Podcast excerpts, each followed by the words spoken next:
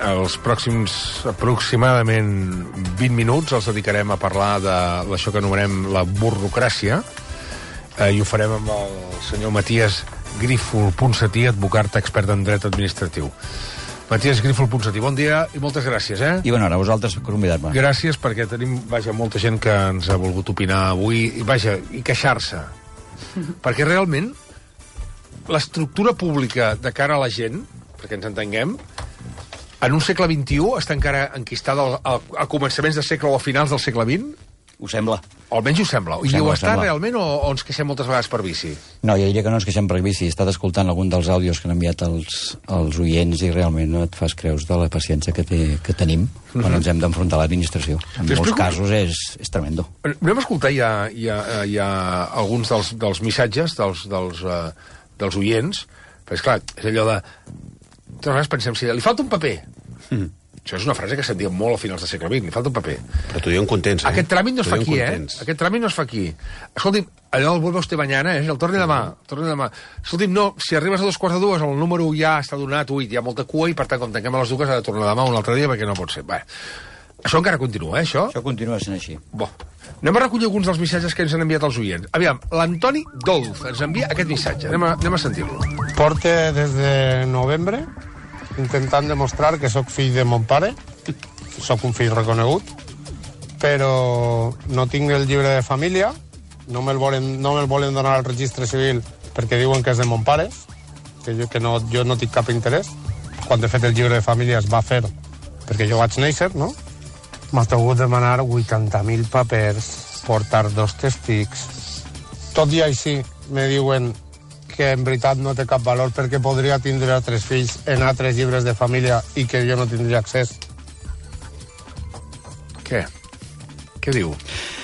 Hi ha moltes vegades que el que has de fer és fer trampa, tristament. És a dir, Hosti. quan tens un problema, mirar, mirar com l'has de solucionar. El problema del senyor Dolç se soluciona tenint un certificat de naixement i pots obviar la necessitat de tenir el, el llibre de família. Diguem que el que dona fe de que el senyor Dolç és fill del seu pare i de la seva mare és el certificat de naixement. Llavors què de fer?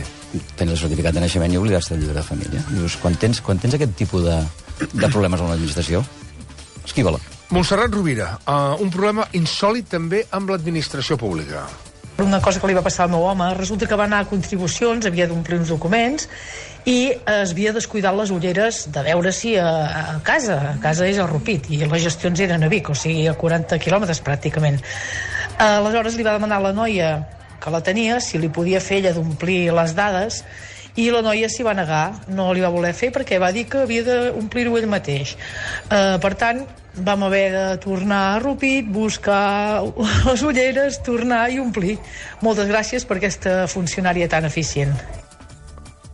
Bé, és a dir, s'ha trobat amb una persona que no fa la funció que hauria de fer un funcionari públic, que és No. atendre un ciutadà. Normalment, normalment la gent no és així, eh? Per entendre'ns, però, però no. t'hi pots, pots trobar. Perquè si tu demostres que no pots fer una cosa i l'únic que has de fer és posar la signatura, en teoria, el funcionari t'ha d'ajudar. I, a més a més, està regulat per llei de que hi ha d'haver-hi col·laboració per part dels funcionaris dels administrats. Per tant, en aquest cas, jo crec que podria queixar-se queixar directament. En diuen a la redacció que hi ha una llau de missatges, però una llau, una llau. És fet, ara estic rebent missatges d'amigues meves que m'estan enviant coses que els hi han passat que clar, no només ho desconeixia, sinó que és flipant.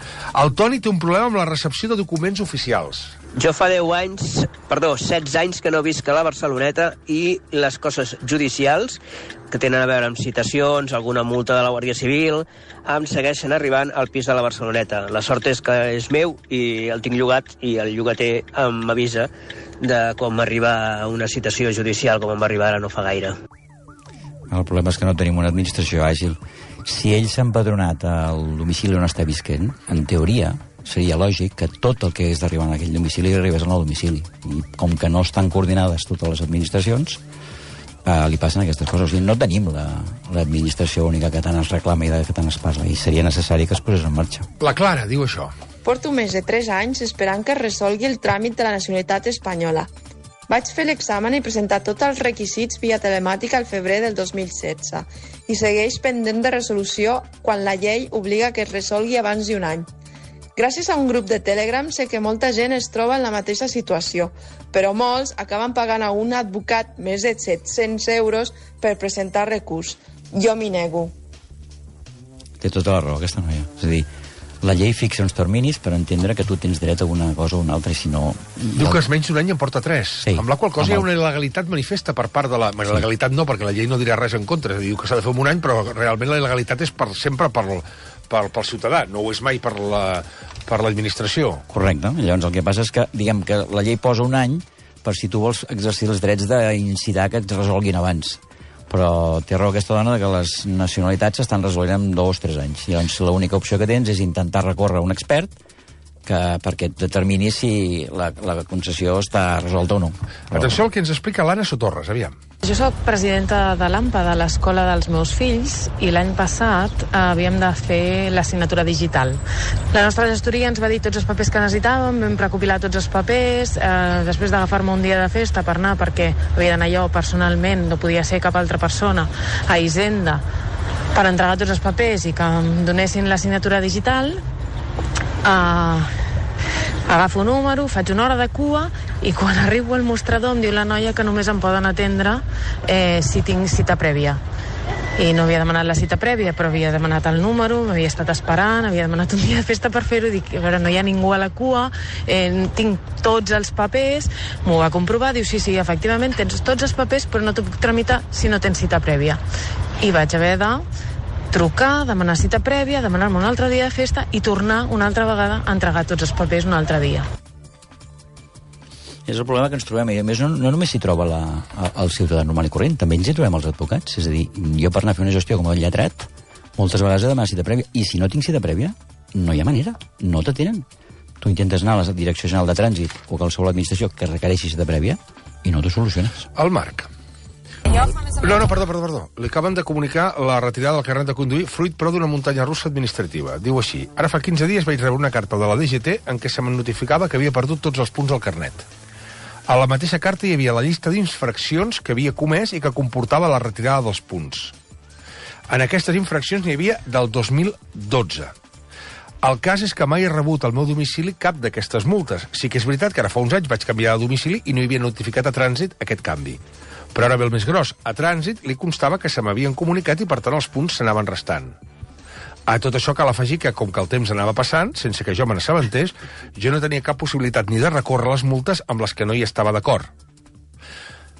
En cap cas les multes havien estat presencials. Interpreto que és que tot és per fotografia, eh? per, per. Correcte, sí, sí. I el més greu, per culpa d'aquest pas del temps, i jo vivint tranquil·lament sense saber que anava perdent punts, no vaig poder comunicar a trànsit que en un parell de casos la multa l'havia comès el meu cosí a qui vaig deixar el cotxe. Eren dos casos d'accés de velocitat i el radar fa la foto a la matrícula no pas a qui condueix. La multa arriba al titular del cotxe, però si qui ha comès la infracció és algú altre, hi ha un període de sis mesos per comunicar a trànsit qui va ser l'infractor real. Doncs bé, per culpa de que la multa estava en aquest llim administratiu, a ulls de trànsit he quedat com que vaig ser jo qui es va saltar el límit de velocitat i no pas el meu cosí. Per tot plegat, de multa en multa, des de fa més de 7 anys, he anat perdent els punts i ara tinc el saldo a zero. Però això no és tot. Ara he vist que totes les notificacions que he anat rebent eren a través de correu certificat. Qui les signava com a rebudes era o bé el conserge del bloc de pisos on visc o bé el recepcionista de l'edifici on treballo. Em pregunto quina validesa té això si jo a la pràctica no acabo rebent la notificació.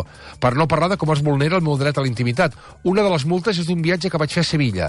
No me n'amago, però perquè el recepcionista del lloc on treballo pot saber que he estat a Sevilla si jo no en tinc ganes de que ho sàpiga. I un altre contrasentit. Ara fa uns dies un veí meu va rebre la notificació per ser membre d'una mesa electoral va venir un policia municipal a portar-li la notificació en persona perquè no hi poden haver intermediaris. Em pregunto, per què per ser president d'una mesa electoral se t'ha de dir la cara i per treure't el carnet de conduir te n'assabentes tard i malament? La cirereta al pastís és aquesta. He rebut una carta que se'm diu que com que ha estat impossible comunicar-me la pèrdua de punts i la conseqüència retirada del carnet, el meu nom sortirà un dia al butlletí oficial de l'Estat i a partir d'aquell dia es farà efectiva la retirada del carnet de conduir. No cal dir que el BOE no figura en la meva llista personal de lectures. El pitjor de tot és la sensació d'impotència perquè durant set anys he viscut aliè a tot això i ara de cop em treuen sis mesos el carnet de conduir i no sé a qui recórrer si és que puc fer-ho. Ho pot fer? Sí, sí, pot recórrer. Això és, aquí sí que necessita els, els serveis d'un advocat que, es, que revisi bé el cas. Trànsit què fa? Trànsit, eh, si no li comuniques directament que t'has canviat de domicili, ell segueix notificant on ha rebut eh, el domicili que té el carnet de conduir. Uh, I aquí ens tornem a queixar de la finestreta única. Seria lògic que si tu comuniques que canvies domicili, tot t'arribes allà. Si t'arriba al domicili i no et troba, el que fan és el conserge que aquí cal aclarir que el conserge, en principi, no té coneixement del contingut de la carta. Correcte. Les cartes estan tancades. Correcte, sí, sí. Si el conserge no ho rep, es publica el DOE. I, per tant, per part de la direcció, el BOE o el BO, la Direcció General de Trànsit, li consta que està notificat. I a partir d'aquí, embarga, tira i no... I diguem, dona, dona per validada la notificació. Clar, perquè aquest és molt... És, és, és, Però com aquests n'hi ha moltíssims, eh? Com Ja, aquests és, Està, està, eh, està parlant primer d'una cosa que passa, que és que et fan una fotografia per l'esquena. I per l'esquena vull dir que, eh, Un velocitat. un velocitat, Correcte. val? Molt bé, perfecte. I aquí treu uns punts. Val? Això d'entrada. Primer, la, el, que, el qui multes és el propietari del cotxe, que no vol dir que sigui que condueixi. Per tant, és evident que si hi ha una infracció, evidentment l'ha de pagar el, el, el, primer el conductor, però primer el cotxe. És evident, perquè hi ha una fotografia i no hi ha...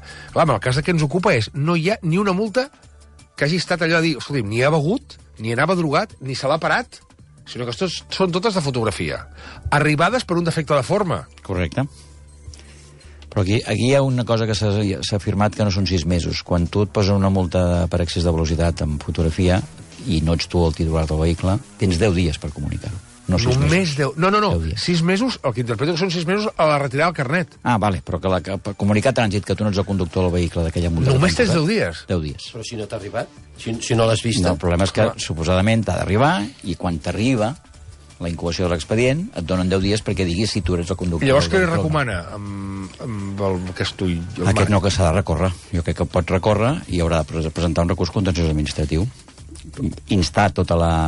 que li, li aportin tots els expedients, revisar un a un i veure si estan correctament eh, tramitats. I a partir d'aquí quedarà, quedarà en base del jutge. Però, però a veure, si, ah, si ara mateix, Jordi, tu preguntes a la teva audiència quanta gent sap que si canvia de domicili, a més d'anar al padró corresponent, ha d'anar a la campana, a trànsit a notificar que ha canviat de domicili, quanta gent ho sap, això? Quanta gent ho deu saber? Ha d'anar a la campana a canviar el algun, algun expert. Prou. Algun Però, expert, perdó, però escolti... Perdó, una pregunta. Una persona que canvia, per exemple, a la ciutat de Barcelona, a, canvia el domicili, per canviar el domicili del cotxe ha d'anar a la campana? Sí, ho ha de comunicar. Obligatòriament ha d'anar presencialment. No, pot demanar cita prèvia i, i és un dels tràmits que previsiblement pugui fer per te- telemàticament. Ni idea. Publicible, clar, Ni idea. Però hi ha, hi ha un tema que m'he estat, mirant. Avui m'he fet el llistat d'administracions telemàtiques que existeixen. Sí, sí, Existeix la de l'Ajuntament, Administracions telemàtiques que existeixen. exacte, la de l'Ajuntament per fer els tràmits de l'Ajuntament, la de la Generalitat, en el cas dels advocats tenim la de Justícia, la de Conciliacions, tenim la de la DGT, hi han com 15 o 20 administracions telemàtiques diferents on cada una fa unes determinades coses. Això Clar, no ha la unificat. finestreta única, per No entendre. està unificat i això és un problema. Això és un Clar, problema perquè canvis de la, la domicili... ciutadania no ho sap. Clar, eh? perquè el que m'està dient és que hi ha un canvi de domicili Clar. i quan canvis un domicili has d'anar a trànsit per no sé què, als bancs per no sé quants, a l'Ajuntament perquè no sé què, a, a les Però- Generalitats, als, als, als metges, als metges. Els... Sí, sí. Però això eh, es fa per protegir el ciutadà i protegir les seves dades o es fa No, per no. ineficàcia? Jo crec que es fa, jo crec que es fa per ineficàcia. Per ineficàcia, incompetència, home. Tenim un problema que és que l'administració de l'Estat és única, de la Generalitat és una altra, la de l'Ajuntament és una altra, el, la desaiga, de les aigues dels municipis són uns altres, és a dir, com que hi ha aquesta diversitat d'administracions, en comptes de donar un millor servei, el que fan és complicar la, I- la i gestió. un- Però, no, però no perquè no hi hagin d'haver diferents administracions, que poden ser. L'únic que han de fer és coordinar-se. No, I un principi, que encara l'administració eh, té el pensament que tu estàs per servir l'administració i no al revés. Això és cert. I he escoltat un àudio d'un tema del, del, del permís de conduir. Que tu no portis el carnet de conduir sobre o el carnet d'identitat a sobre, no vol dir que no existeixi el carnet d'identitat o que no existeixi el carnet de conduir. Però tu tens l'obligació de portar el carnet de conduir al Sí, cotxe. però, insisteixo, Però si ara- no portar-lo a sobre no vol dir que no el tinguis. No, Està vol dir que no portes. Exacte. I, per tant, si a tu t'atura la policia i et demana el, DN, el carnet de conduir i no li pots exhibir, et donaran 10 dies perquè demostris que el tens. Però ells ho poden comprovar. És el mateix tema de l'assegurança del vehicle. Si tu t'atura la policia, ja no et demanen de l'assegurança del cotxe. Ells ho poden comprovar. Clar. Per tant, aquella gent que ha perdut el carnet de conduir, que no pateixi tant. Perquè perdre'l vol dir que no el tens físicament a sobre, però no vol dir que no existeixi. Correcte, Per tant, correcte. poden seguir conduint. Això sí, ho han d'anar Això a denunciar on sigui. Eh, tot això de, de demostrar i no demostrar eh, respon a una administració que ens tingui com a sospitosos d'entrada? Jo penso que sí. Per tot, eh? En qualsevol eh, finestreta de l'administració, eh? Som Jo sospitosos. fa 25 D'intentar robar diner públic, d'intentar aprofitar-nos dels serveis. Jo fa 25 anys que em dedico al dret administratiu. La sensació que tens és que l'administració en molts dels casos no està per ajudar-te, sinó que està com un enemic amb el has de batejar, el que, amb el que t'has de barallar. Aquesta és la sensació, moltes vegades la sensació que tens i la que té moltes vegades l'administrat. Si tu fas una enquesta Sí, sí. a la població en general, eh, no tenen masses ganes de relacionar-se amb l'administració perquè els hi fa por. No, és que és una administració que et toca els nassos, que es fastidia, que no et soluciona els problemes, sinó que te genera més. Per tant, quan menys et relacionis amb un generador de problemes, més feliç vius. Seguim, eh? Seguim. Això és el que ens explica la Mònica. Jo fa més o menys un any vaig demanar hora per treure el carnet de conduir internacional i el dia que em tocava vaig anar a la campana i quan vaig arribar allà una senyora em va dir que avui no, es- no es donaven carnets de conduir internacionals perquè s'havien quedado sin la cartilla del carnet de conduir internacional. Així que res, eh, vaig anar allà per res. és aquesta manca d'eficàcia i de manca d'agilitat de l'administració que, a més a més, per llei està obligada a ser, a ser àgil. És dir, si tu vas allà, fas l'esforç, jo crec que les, a totes les administracions haurien de tenir una hora per atendre aquella gent que va sense cita prèvia. De 12 a 1, de 1 a 2, això hauria d'estar um, regulat. El que no pot ser és que una persona vagi a trànsit a Barcelona, que vingui de Rupit, o d'on sigui, i no pugui fer la gestió. Això no és... Diguem, això no és segle XXI. Ja. Més, la Montse també porta molt temps esperant.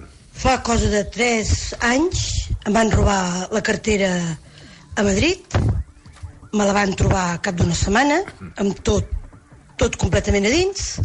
Em van dir que em la enviarien a la comissaria més pròxima de casa i encara l'estic esperant. que jo suposo que hauria d'anar a la comissaria a presentar una queixa. Ja. No, no, no sé, vull dir que... No, L'Aroa bé. ens exposa el que ha trobat a l'hora de fer tràmits amb la companyia d'aigües. Recentment hem fet un canvi de domicili a la població de Palau Solità i a la companyia d'aigües, Casa, només treballen de dilluns a dijous de 8 a 1. I tot el tràmit s'ha de, de fer de manera presencial i en paper. Has d'anar allà. És dir, necessàriament has de perdre hores de la teva feina o bé enviar algú amb una autorització firmada, tal, no sé què. Bueno, a sobre has de donar tu la lectura actual del dia que fas el canvi i tot plegat ells per no moure pràcticament el cul de la cadira eh, et cobren 57 euros per fer aquest tràmit. És això. És el que estem parlant, és a dir, les administracions funcionen com funcionen. En aquest cas, no sé si és una administració pública o pot ser un consorci És privat. una un empresa privada, té privada. perspectiva. Val, ah, I, val, bueno, El, jo, el Joaquim de Mataró. El meu problema amb la burocràcia és que en els últims 7 mesos he vist el meu fill 24 hores i porto dos mesos sense veure'l perquè no arriba no arriben els els papers al jutjat i bueno, i ha de, ha de sortir el judici en el que reguli una un règim de visites i fins que no hi hagi rè- règim de visites la seva santa mare no té obligació de deixar-me veure, el nen- de deixar-me veure el nen. És bèstia, això, eh? bueno, i els advocats ens trobem que els terminis en el- l'àmbit de la justícia són molt laxos i que moltes vegades s'incompleixen molts i la justícia moltes vegades no dona la resposta que donar quan l'ha de donar, perquè la justícia no només ha de resoldre un problema, sinó que és important que el resolgui, això, eh? que el resolgui aviat. En aquest cas, el que ha de, jo li recomano al Joaquim és que a través del seu procurador, el seu lletrat, insti, presenti escrits, eh, si cal diàriament al jutjat, instant a que resolgui, perquè això no pot ser.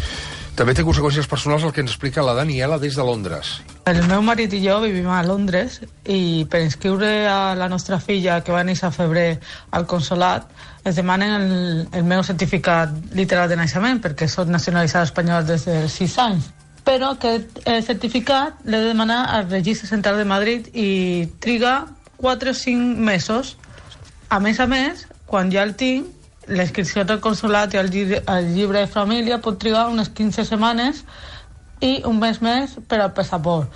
Això són 4 o 5 mesos més que no poden viatjar, no poden anar a Espanya, però si pagues a una gestoria de Madrid, en un mes tens el certificat de naixement.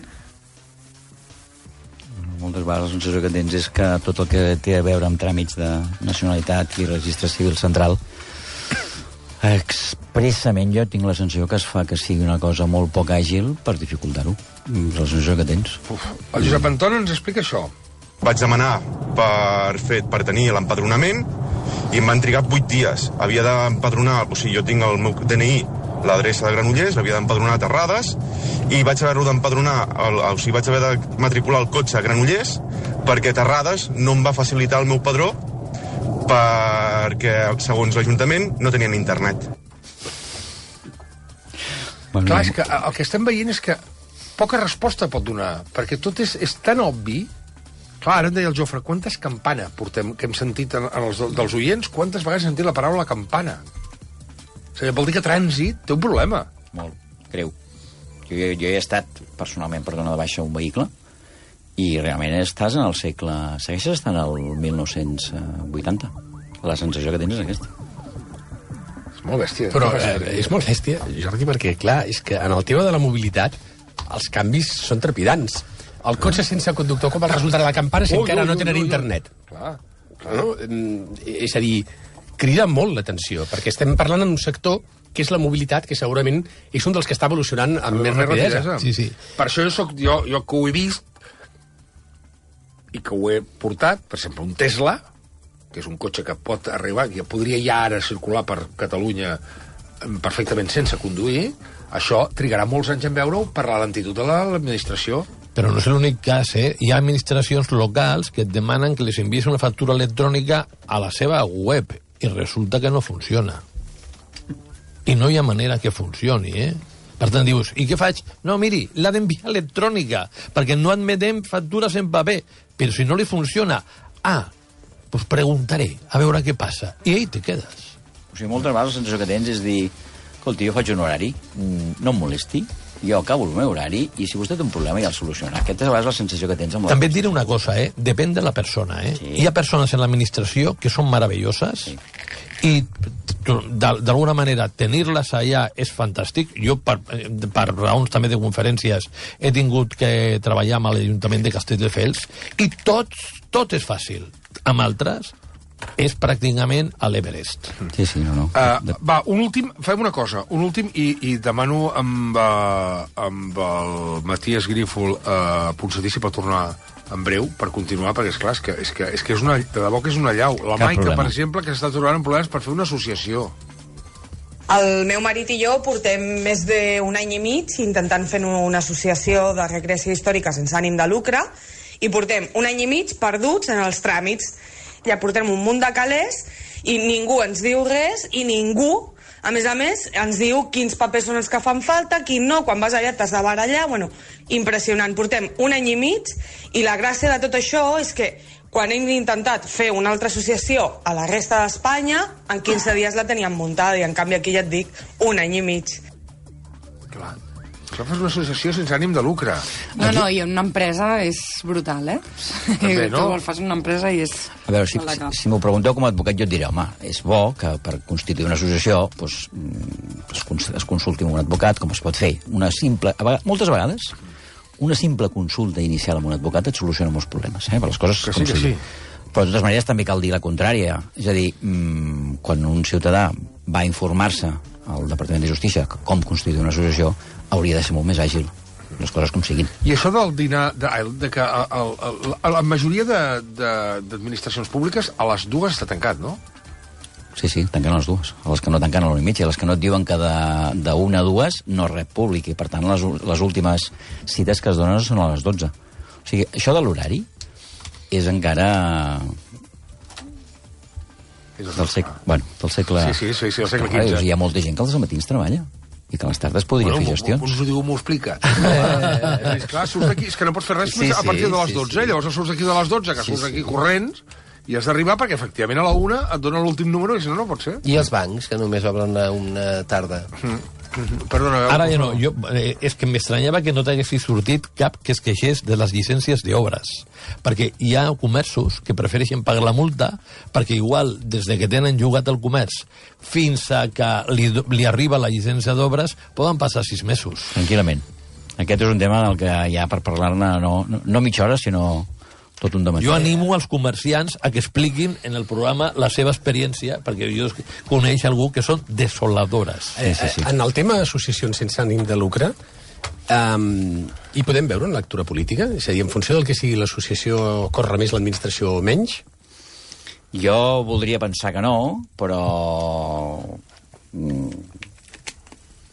la lectura és, és factible, però en principi amb una societat de lucre que es tramita al Departament de Justícia de la Generalitat he de pensar que la Generalitat el que fa és intentar gestionar-ho correctament. El Sense que la- mirar quin En viatge no. ideològic pot tenir l'associació.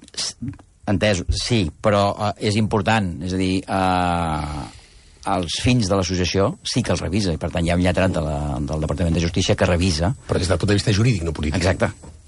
I per tant s'ha d'adequar a la finalitat que es diu.